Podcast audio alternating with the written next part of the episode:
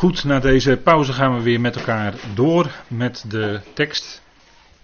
En we hebben gezien vlak voor de pauze dat Paulus tevreden was en dat godsvrucht met tevredenheid, als je dat hebt, dan ben je echt een kapitalist. Dan uh, zit het wel goed. Maar dat is materieel niet meetbaar, maar veel beter, dat is geestelijk meetbaar en uh, dat weet je als geen ander voor jezelf, bij jezelf. Paulus zegt, ik weet verootmoedigd te worden. En dat woord verootmoedigd, dat komt wel vaker voor in deze brief.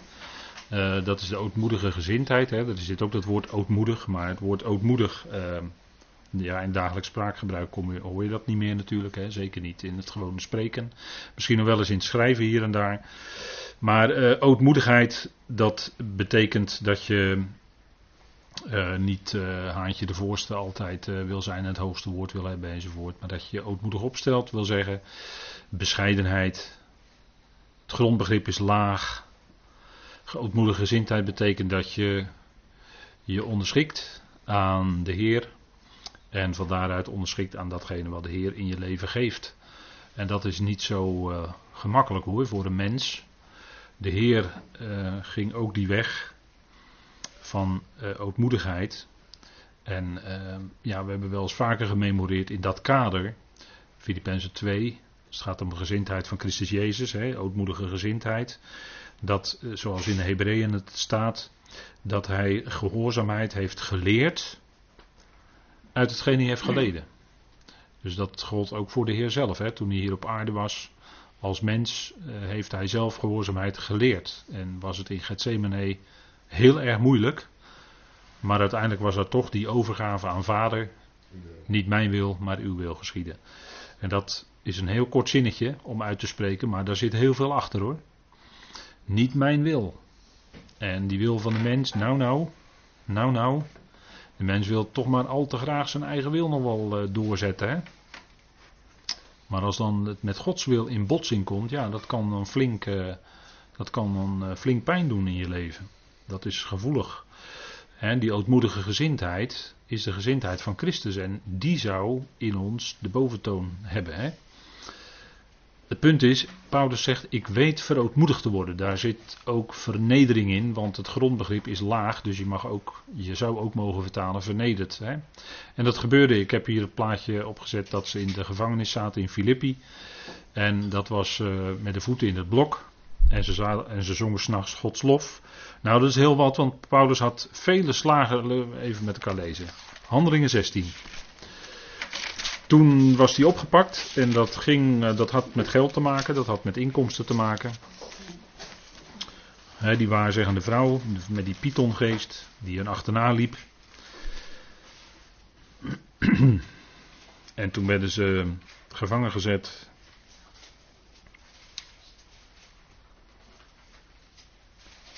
Handelingen 16, vers 22.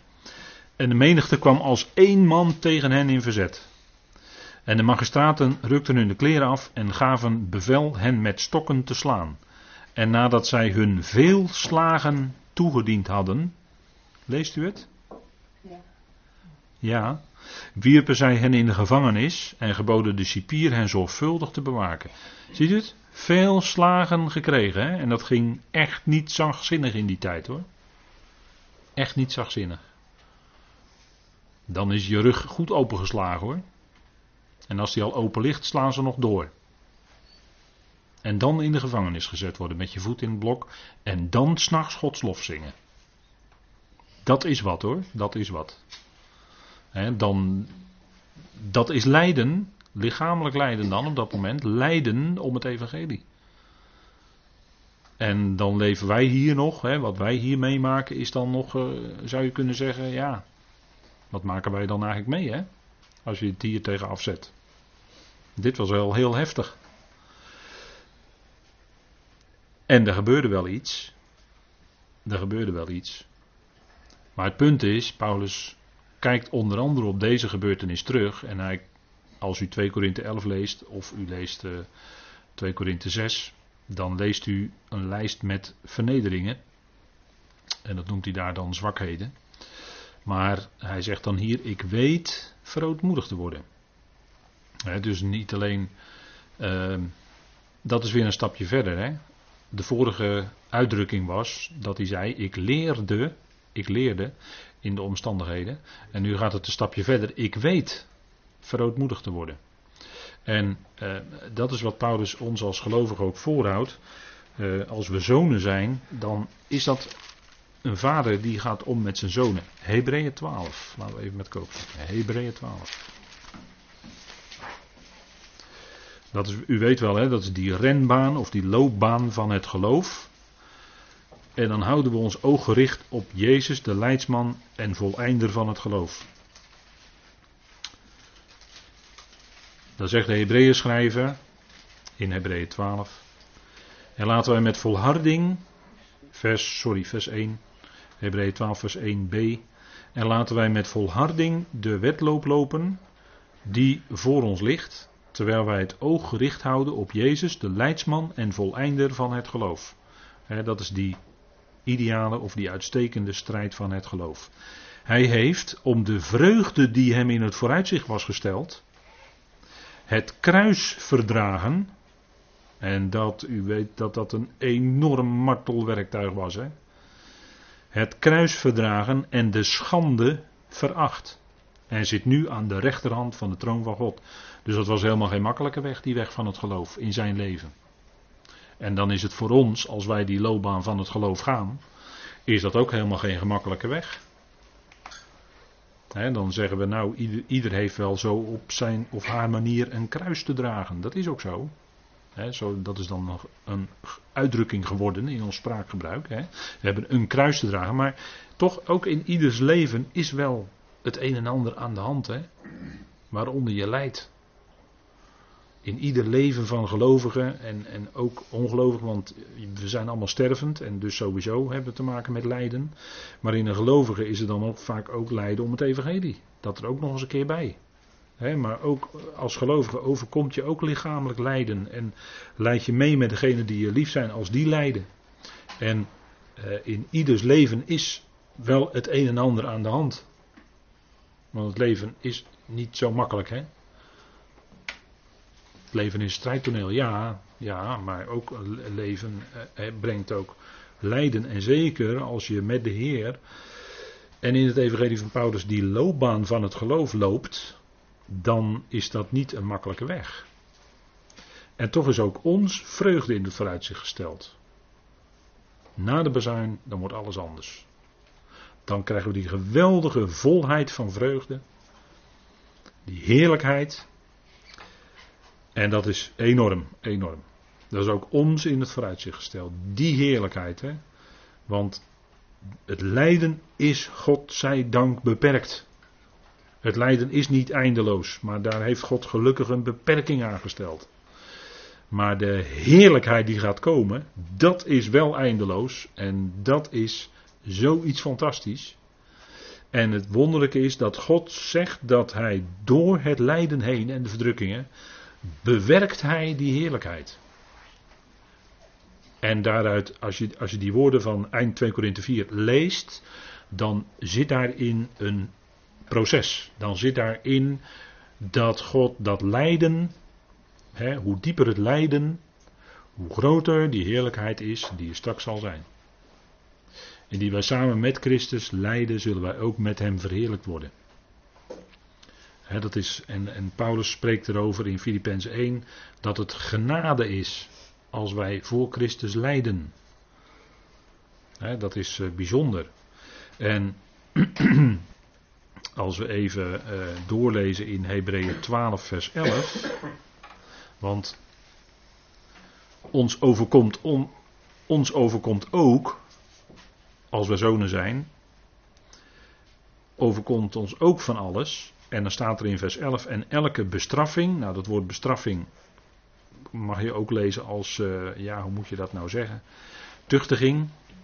En het is misschien een zwaar woord, maar uh, tuchtiging, dus de dingen die je ondergaat, schijnt op het moment zelf wel geen reden tot blijdschap of tot vreugde te zijn, maar tot droefheid. want als het je overkomt, dan kan het je enorm neerdrukken. Dan kan dat zelfs ook natuurlijk tranen teweeg brengen. Zoals de Heer ook riep tot vader. Onder tranen. Onder het lijden, onder de verdrukking die hij onderging. Lezen we in de schrift. Hè? Dus het eh, geeft misschien op het moment dat het je overkomt geen, geen blijdschap in eerste instantie, maar droefheid. Maar later geeft zij hun die erdoor geoefend zijn, en dat is die ervaring die we opdoen, een vreedzame vrucht van gerechtigheid. Hef daarom de slappe handen op en de knikkende knieën en maak rechte sporen met uw voeten. voor uw voeten, opdat wat kreupel is niet wordt ontwricht, maar veel eer genezen wordt. Het is die God van de vrede, want vers 14 zegt jaag de vrede na. Het is die God van de vrede, als ik terugkeer naar Filippenzen 4. Het is die God van de vrede die met ons meegaat. En we zijn onder zijn vleugels. Het is de God van de vrede, met wie we in contact staan. En dan kan het best zijn dat ons van alles overkomt. Maar dat is zo omdat wij zonen zijn. En God die laat zonen en niet bastaards allerlei dingen overkomen. Dus het gaat allemaal niet van een leien dakje in ons leven als gelovigen. Zeker niet. Dat is een weg die vaak heel lastig is met allerlei voetangels en klemmen. En allerlei klippen. En wat voor beelden moet ik nog meer noemen. Maar u begrijpt het hè. Het is een moeilijke weg. Maar het is wel een weg die de Heer gegaan is. En die, daarin kreeg hij kracht van vader. En die krijgen wij ook. Wij krijgen ook kracht van vader.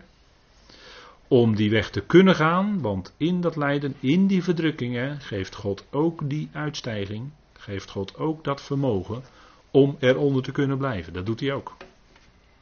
En we kunnen die weg dan gaan omdat die vreugde ons in het vooruitzicht is gesteld. Die vreugde, die heerlijkheid als we bij de Heer zijn.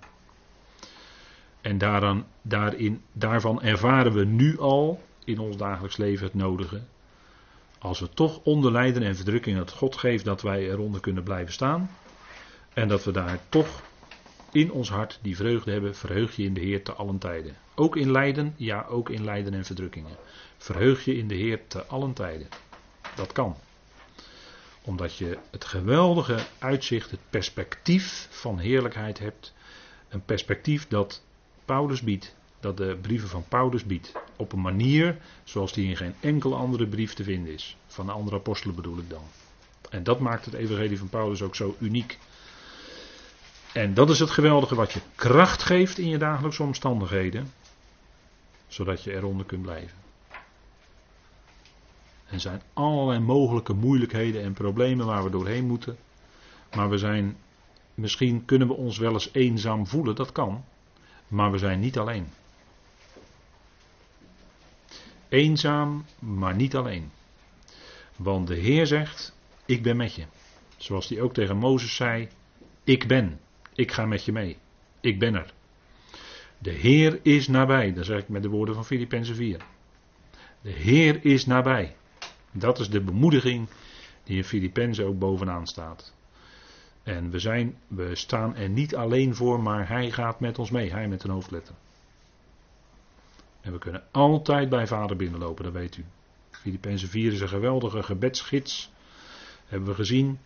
Alles met gebed en smeking, met dank kunnen we bekendmaken, want de omstandigheden waarin we zijn, en dat wist Paulus ook, de omstandigheden waarin ik ben, die gaan niet buiten vader om. Ik weet verootmoedigd te worden. En daarover schrijft de apostel in 1 Korinthe 4.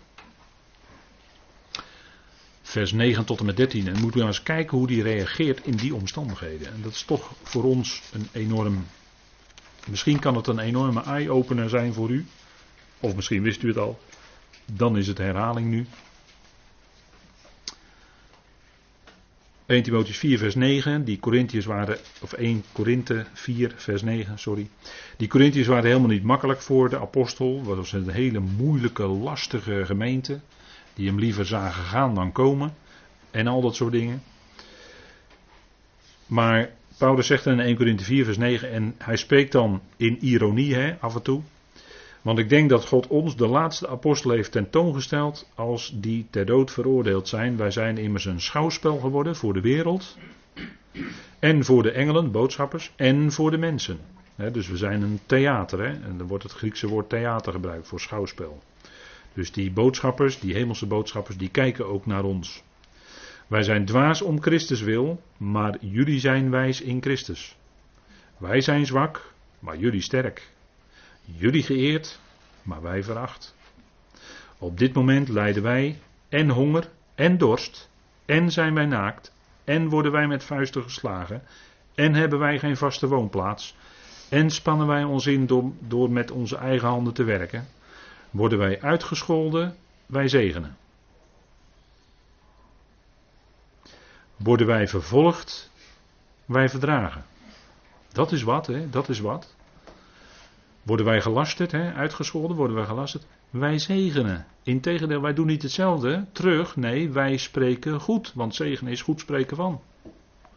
Worden wij vervolgd, we gaan niet terugvervolgen, nee, wij verdragen. Dat is de houding, hè? dat is ootmoedige gezindheid. Worden wij belasterd, wij bidden. Wij zijn geworden als het uitvaagsel van de wereld en het afschraapsel van allen tot nu toe. Kijk, dat is het lijden, hè? Dat is het lijden. Dat is, dat is lijden en verdrukkingen ondergaan. En dan moet je dus kijken hoe de apostel en de zijnen daarop reageren. Ze betalen niet met gelijke munt terug. Worden wij belasterd? Wij bidden. Bid voor je vijanden. En als je vijand honger heeft, zegt Romeinen 12, geef hem te eten. Als je vijand dorst heeft, geef hem te drinken. Je vijand, hè? Geef hem te drinken. Nou, dat was de houding van de apostel tegenover die Corinthiërs. Die hem hier en daar vijandig gezind waren. Heel anders dan die Filippenzen. En moet je kijken hoe de apostel reageert hè, daarop. Dan zeg je, ja, dat is bovenmenselijk. Ja, dat is het ook. Dat komt van bovenaf in je hart en door die geest kun je dat. Die gezindheid hebben. om zo te reageren. dat is het punt. Paulus reageerde in de praktijk dus naar wat hij sprak. hij sprak over ootmoedigheid. Hij sprak over een evangelie van vrede. Maar in de praktijk oefende hij dat ook uit. Dat lees je hier terug dat is heel wat hoor, dat is heel wat. En in al die omstandigheden wist hij, had hij zijn overtuiging, de Heer is nabij. En dat was zijn kracht, dat was ook zijn vreugde. Nou, dat is heel wat hè. Ik weet verootmoedigd te worden. Hier ziet u in deze versen ziet u dat ook terug hè. Dat dat gebeurd was in zijn leven. Ik weet wat het is om overvloed te hebben. En hij had het net over met zijn eigen handen werken. Nou, hier ziet u hem dan op deze getekende gekleurde afbeelding eh, dat hij samen met Prisca en Aquila aan het tenten maken was. Dus hij deed handenarbeid om in zijn eigen inkomen te kunnen voorzien. En daarin kon hij het evangelie ook om niet in genade brengen. Maar hij zegt, ik weet wat het is om overvloed te hebben. En bij gelegenheid heeft hij dat dus gekend. Hè? En dat natuurlijk geestelijk was hij overvloedig gezegend. Maar hier heeft hij het over materiële dingen. Hè? Ik weet wat het is om overvloed te hebben bij gelegenheid. En dat, is, uh, dat waren fijne momenten natuurlijk voor de apostel. Maar vaker was het zo dat het anders was. En daarover spreekt hij ook in dit vers, vers 12. In ieder aspect en in alle omstandigheden ben ik ingewijd, zowel in verzadigd zijn als hongerlijden. En nu gaat hij nog een stap verder. Hè? Hij zei eerst in vers 11 het woord leren, dat hij leerde. Dan spreekt hij twee keer over ik weet. En nu gaat hij nog een stap verder en dan zegt hij ik ben ingewijd. Dus dat is een opklimmende reeks, hè, zou je kunnen zeggen. En dat ingewijd, dat heeft te maken, hè, dat woord heeft te maken vanuit de grondtekst, met het woord geheimenis. Hè, dat is iets, het, het woord geheimenis is iets wat dichtgehouden is, dat is eigenlijk letterlijk, wat dichtgehouden is. En wat op een gegeven moment wordt geopend. En Paulus mocht geheimenissen bekendmaken. Ook het beheer van het geheimenis, deze tijd, mocht Paulus bekendmaken. Het geheimenis van de verharding van Israël, ik noem er maar één, Romein 11. Mocht Paulus bekendmaken wat dat is. Dat was geheim gehouden in God. En later, op Gods tijd, werd dat bekendgemaakt. De Heer Jezus, hebben we gelezen, die sprak over de geheimenissen van het Koninkrijk der Hemelen. Die mocht, dat, mocht die geheimenissen openen. En hier, dat woord ingewijd heeft te maken met dat het. Uh, ja, dat woord werd ook in die tijd gebruikt voor mensen die ingewijd werd in de zogenaamde mysteriën, in de mysteriegodsdiensten van die tijd, hè, van de mitras enzovoort. Ik ga u er allemaal niet mee vermoeien hoor. Maar daar werden de mensen in ingewijd. En dat woord wordt gebruikt, en dan hier in, in de Bijbelse context. Paulus was ingewijd in alle omstandigheden, in ieder aspect en alle omstandigheden. Dus hier zien we eventjes alles, hè? in alle levenssituaties is hij ingewijd. En wat betekende dat? Wat betekent dat? Zowel in verzadigd zijn als in hongerlijden. Hij had het net over die overvloed en gebrek. Hier heeft hij het over verzadigd en hongerlijden. Wat betekent nou dat ingewijd? Dat ingewijd betekende dat hij wist dat God alles in zijn leven doet samenwerken tot het goede. Dat was een geheim. En Paulus kende dat. Dat God het was die zijn omstandigheden bestuurde. Dus Paulus wist in welke omstandigheid ik ook ben. Het gaat niet buiten God om. Nee, God bedoelt deze omstandigheden nu vandaag in mijn leven. Zo moet het nu zijn. Daar heeft God een bedoeling mee. En dan is het goed als je daarin kan rusten. Dan is het goed. Als je honger lijdt, dan is het ook goed als je overvloed hebt. Ja, tuurlijk, dat is wat makkelijker. Maar dan is het ook goed als je gebrek lijdt, als je honger lijdt. Dat geheim kende Paulus. Dat niet alleen uh, de toekomst en het verleden in Gods hand zijn. Nee, nu, vandaag, in de omstandigheden waarin je bent. En dat geldt ook voor ons. ik, ik refereerde net heel even, sprekend aan, aan die bekende tekst uit Korinthe. Dat God met de omstandigheden waarin wij zijn, ook die uitstijging geeft. Die uitkomst geeft. God zal met de, dan wordt het woord beproeving gebruikt. God zal met de beproeving, dat betekent dus dat God ook die beproeving geeft. Maar hij zal met die beproeving ook de uitkomst geven. Zodat je tegen bestand bent. En die uitkomst is dat hij die bijzondere draagkracht geeft in die moeilijke situatie waarin wij zijn. Maar dat die situatie waarin we zijn ook door hem zo bepaald is in ons leven. Ja, dat is wat. Dat gaat dus heel ver. dat de situatie waarin wij zijn vandaag is ook uit God. Dat zeg ik met, bijna met schroom, maar we weten uit de evangelie, uit de brieven, dat alles uit God is ten diepste. dat zegt de apostel op meerdere plaatsen. Alles is uit God, dus vandaag uw situatie waarin u bent. Is ook uit God. Het gaat niet buiten hem om.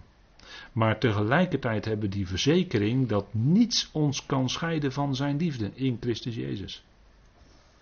En dan noemt Paulus, u kent de hele bekende tekst Romeinen 8, maar dan noemt hij een heleboel levensomstandigheden. Maar het kan ons niet scheiden van zijn liefde. En waarin u vandaag bent, en dan zegt u ja, het is heel moeilijk vandaag, en morgen is het waarschijnlijk ook weer heel moeilijk. Het gaat niet buiten hem om, het gaat niet buiten vader om, maar het is ook iets dat je niet kan scheiden van zijn liefde.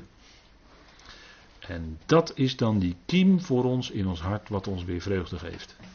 Vader, het gaat niet buiten u om. En dan is er misschien wel, zonder dat je het over je lippen krijgt, in je hart zoiets van: niet mijn wil, vader. Nee, vader, wat u wilt, dat is goed. Als u het bedoelt, vader, voor mijn leven nu dit, dan is het goed. Dat is goed. Dat is die God van de vrede. Hè? Als je daarin vrede hebt. Dat is, dat is heel bijzonder hoor. En dat is ingewijd zijn.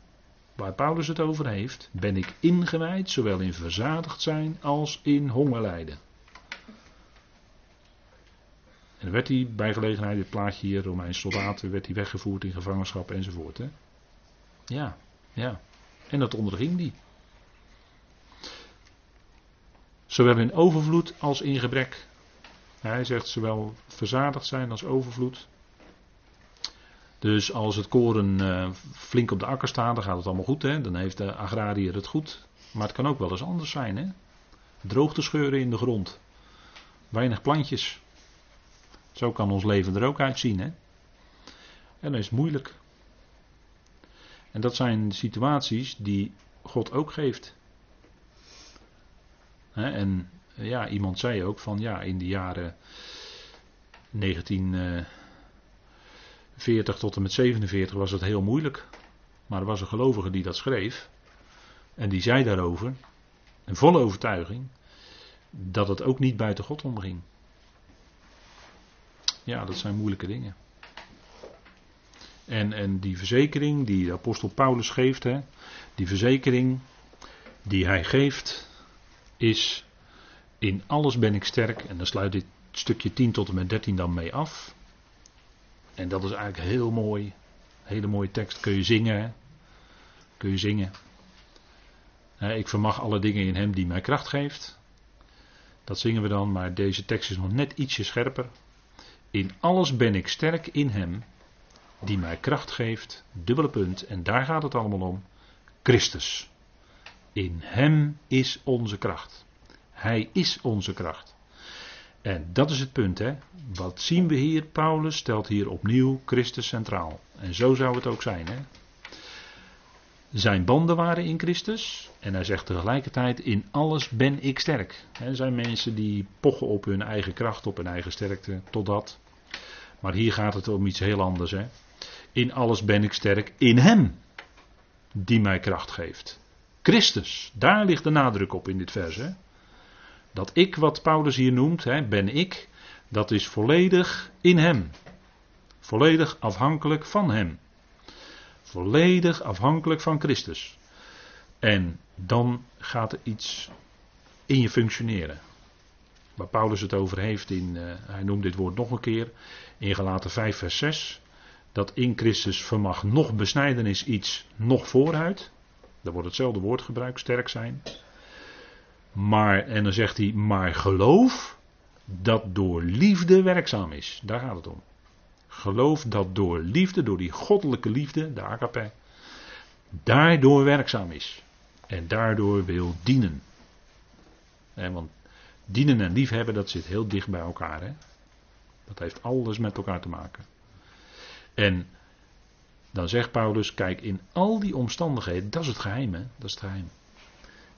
In hem die mij kracht geeft. Die dynamisch. Die kracht. Die komt van hem. God zij dank zijn we niet aangewezen op onze eigen krachten. Gelukkig niet zeg. En anders heeft God wel middelen om ons, ons eigen zwakheid te doen beseffen. Maar ja, u, zoals u hier zit, loopt u al wat jaartjes mee. Maar dan beseft u uw eigen zwakheid wel, hè? Maar dan word je juist te meer bewust dat al die kracht die je nodig hebt, dat moet van Hem komen en daar komt het ook vandaan. En dat is ook wat Hij geeft, daadwerkelijk. Ja, ja. En dat is die levengevende, een heel mooi woord is, vitaliserende kracht van Christus. Kun je natuurlijk allemaal middelen gaan kopen bij de apotheek. Maar vitaliserend is de kracht van Christus. Dat is het punt. Ik ben sterk in Hem die mij kracht geeft. Christus. Om Hem draait het in ons leven. Om Hem draaide het in het leven van de apostel. En laten we dan dat voorbeeld navolgen. Hij verwees in alles naar zijn Heer, naar Christus. En daar gaat het om.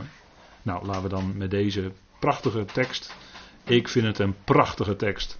Laten we daarmee afsluiten voor vanavond. Tot zover.